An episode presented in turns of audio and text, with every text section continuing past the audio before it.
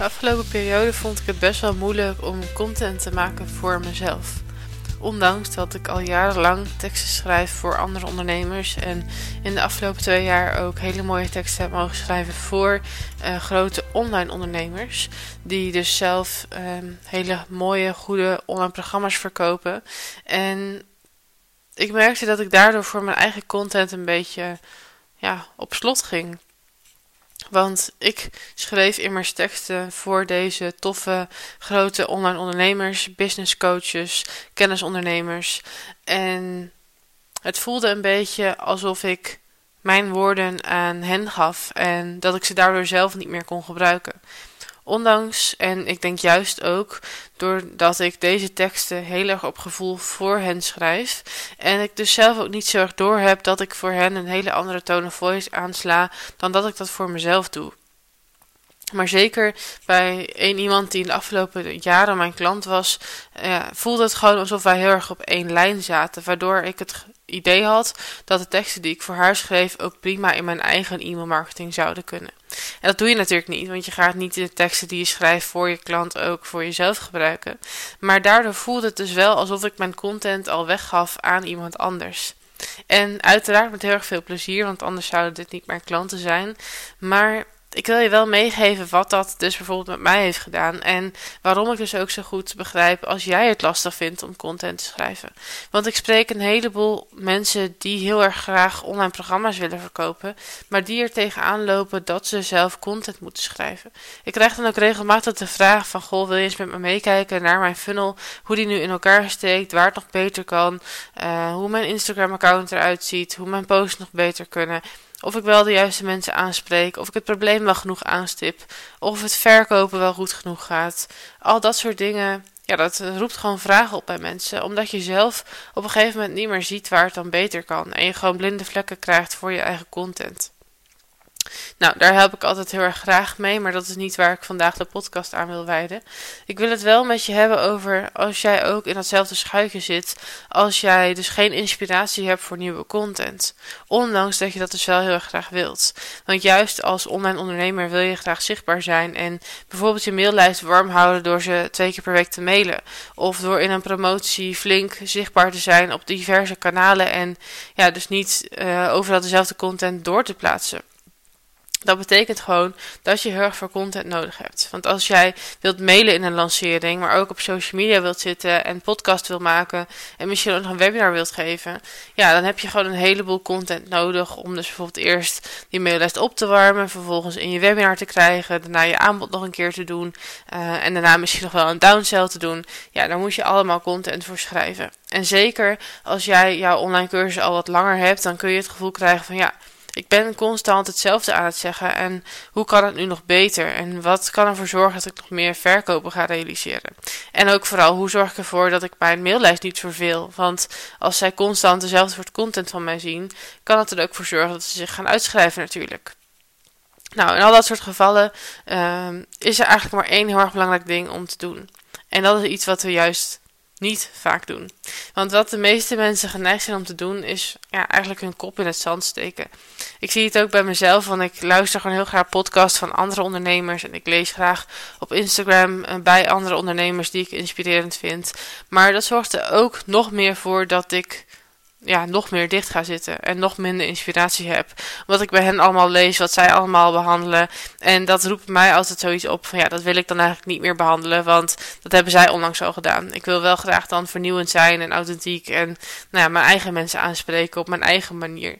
En ik ben me er heel erg van bewust dat als ik te veel content van anderen consumeer, dat ik dat onbewust wellicht ga overnemen in mijn eigen content. En dat wil ik dus niet. En dat verklapt misschien al een beetje de oplossing. Namelijk je gewoon helemaal lostrekken ja, van al die andere mensen. Dus niet meer al die andere content consumeren, maar ja, veel dichter naar jezelf gaan. Want dat is naar mijn idee de enige oplossing als jij soms voelt dat je inspiratieloos bent of dat je je blanco voelt nadat je een lancering hebt gedaan, omdat je al zoveel content hebt geproduceerd in de afgelopen weken. Ja, wat moet je nu dan toch weer in die nieuwsbrief zetten bijvoorbeeld? Dus als jij je blanco voelt, als jij content wil gaan maken, dan is het zaak om het het volgende te gaan doen. Namelijk het dichter bij jezelf te gaan zoeken. En je dus af te sluiten van de buitenwereld. Dus niet meer naar die concurrenten kijken van wat voor podcast maken zij allemaal, wat schrijven zij op social media. Niet meer al de hele dag um, ja, reels gaan zitten kijken van andere mensen op TikTok gaan zitten kijken wat er allemaal voor leuks voorbij komt. Want ja, het maakt je eigenlijk gewoon een beetje hersendood. En begrijp me niet verkeerd, want ik vind het ook echt super leuk om te zien wat anderen doen en uh, ja, daar ook juist inspiratie uit te halen. Maar het voelt altijd een beetje alsof me dat inspireert. Maar op de achtergrond stopt het me juist vol. Want dat betekent dat ik in mijn vrije momenten content van anderen consumeer.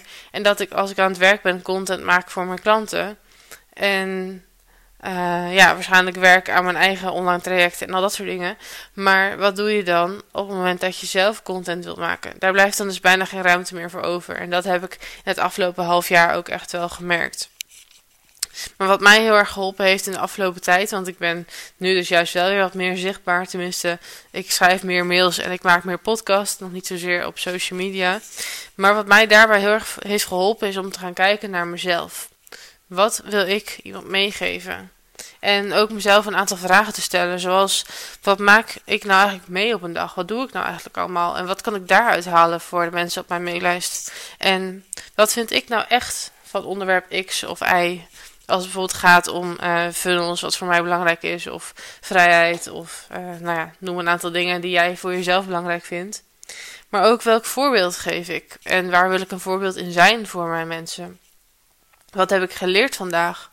En waar zou ik meer aandacht aan willen geven? Al dat soort hele simpele, basale vragen kunnen al heel erg helpen om meer content te gaan maken. Mits je jezelf ook toestemming geeft om het meer persoonlijk te maken. Want hoe dichter je bij jezelf gaat zoeken en hoe meer je jezelf toestaat om ja, persoonlijke dingen te delen, hoe makkelijker het wordt ook om te delen. Want zolang jij um, jezelf onbewust blijft vergelijken met anderen en allerlei content van anderen consumeert, ga je jezelf ook een bepaalde druk opleggen. Want je ziet content bij een ander en je krijgt ook het gevoel dat jouw content aan een bepaald niveau moet voldoen. Of dat jouw content niet meer over hetzelfde onderwerp mag gaan. Of dat je wel een bepaalde vorm van waarde moet bieden. Of dat het anders moet zijn dan wat anderen schrijven. Dat je toch een andere toon of voice aan moet raken. Dat je mensen op een andere manier moet aanspreken. Dat je het onderwerp vanuit een andere hoek moet belichten. Ja, gewoon dat het anders moet zijn dan wat een ander online zet. En mij geeft het er veel druk, omdat ik dan dus eigenlijk niet meer weet wat ik dan wel zou moeten schrijven. Want in sommige gevallen kan ik me heel erg goed vinden in de visie van mijn concurrenten.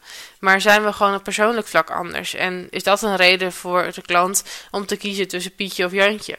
Dus wees je ervan bewust dat jouw content niet per se anders hoeft te zijn dan die van jouw concurrent, maar dat je een andere ja, persoonlijke touch wilt toevoegen. En op dat vlak moet je jezelf dus toestaan om meer persoonlijke dingen te durven delen.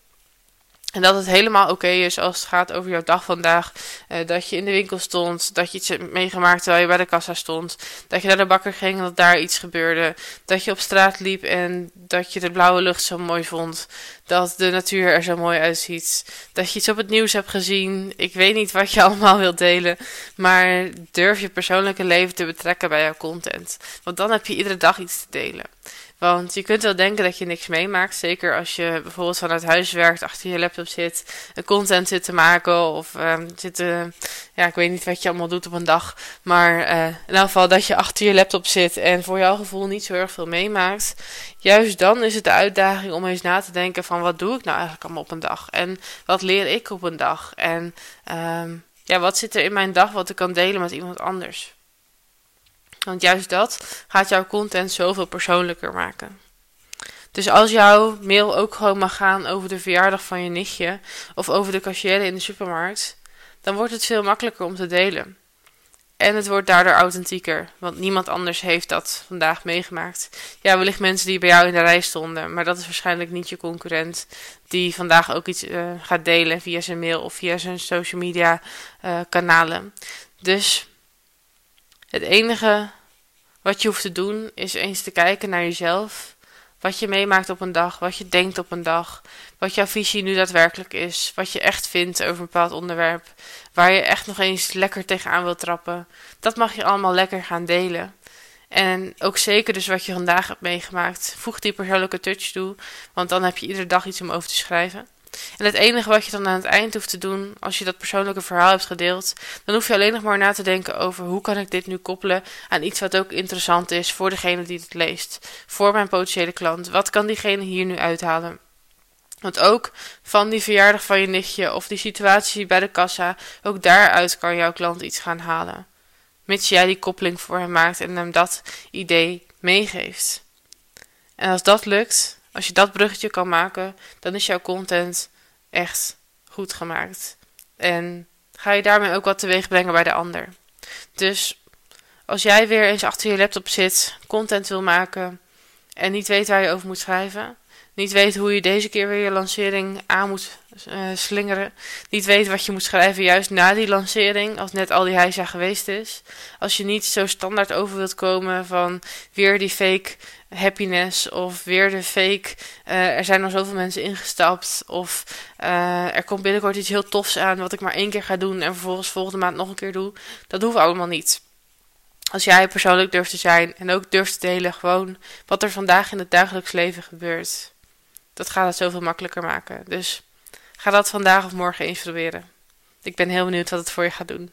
Dus stroom ook zeker niet om eens een berichtje achter te laten via mijn social media kanaal Instagram bilenebouwman.nl of stuur een mailtje naar info.wolvesandrebels.nl dan uh, ja, vind ik het super tof om te horen dat je deze podcast hebt geluisterd, maar ook dat je er hopelijk iets moois uit hebt gehaald om ja, jouw content naar, ja, niet per se naar het volgende niveau te trekken, maar het wel voor jezelf makkelijker te maken om daar te zijn, om je gezicht te laten zien en ja, om echt gewoon lekker mee te doen in die online wereld en ja, daarbij ook jezelf een plezier te doen. Dat het makkelijker wordt om content te maken. Het leuker wordt om content te maken.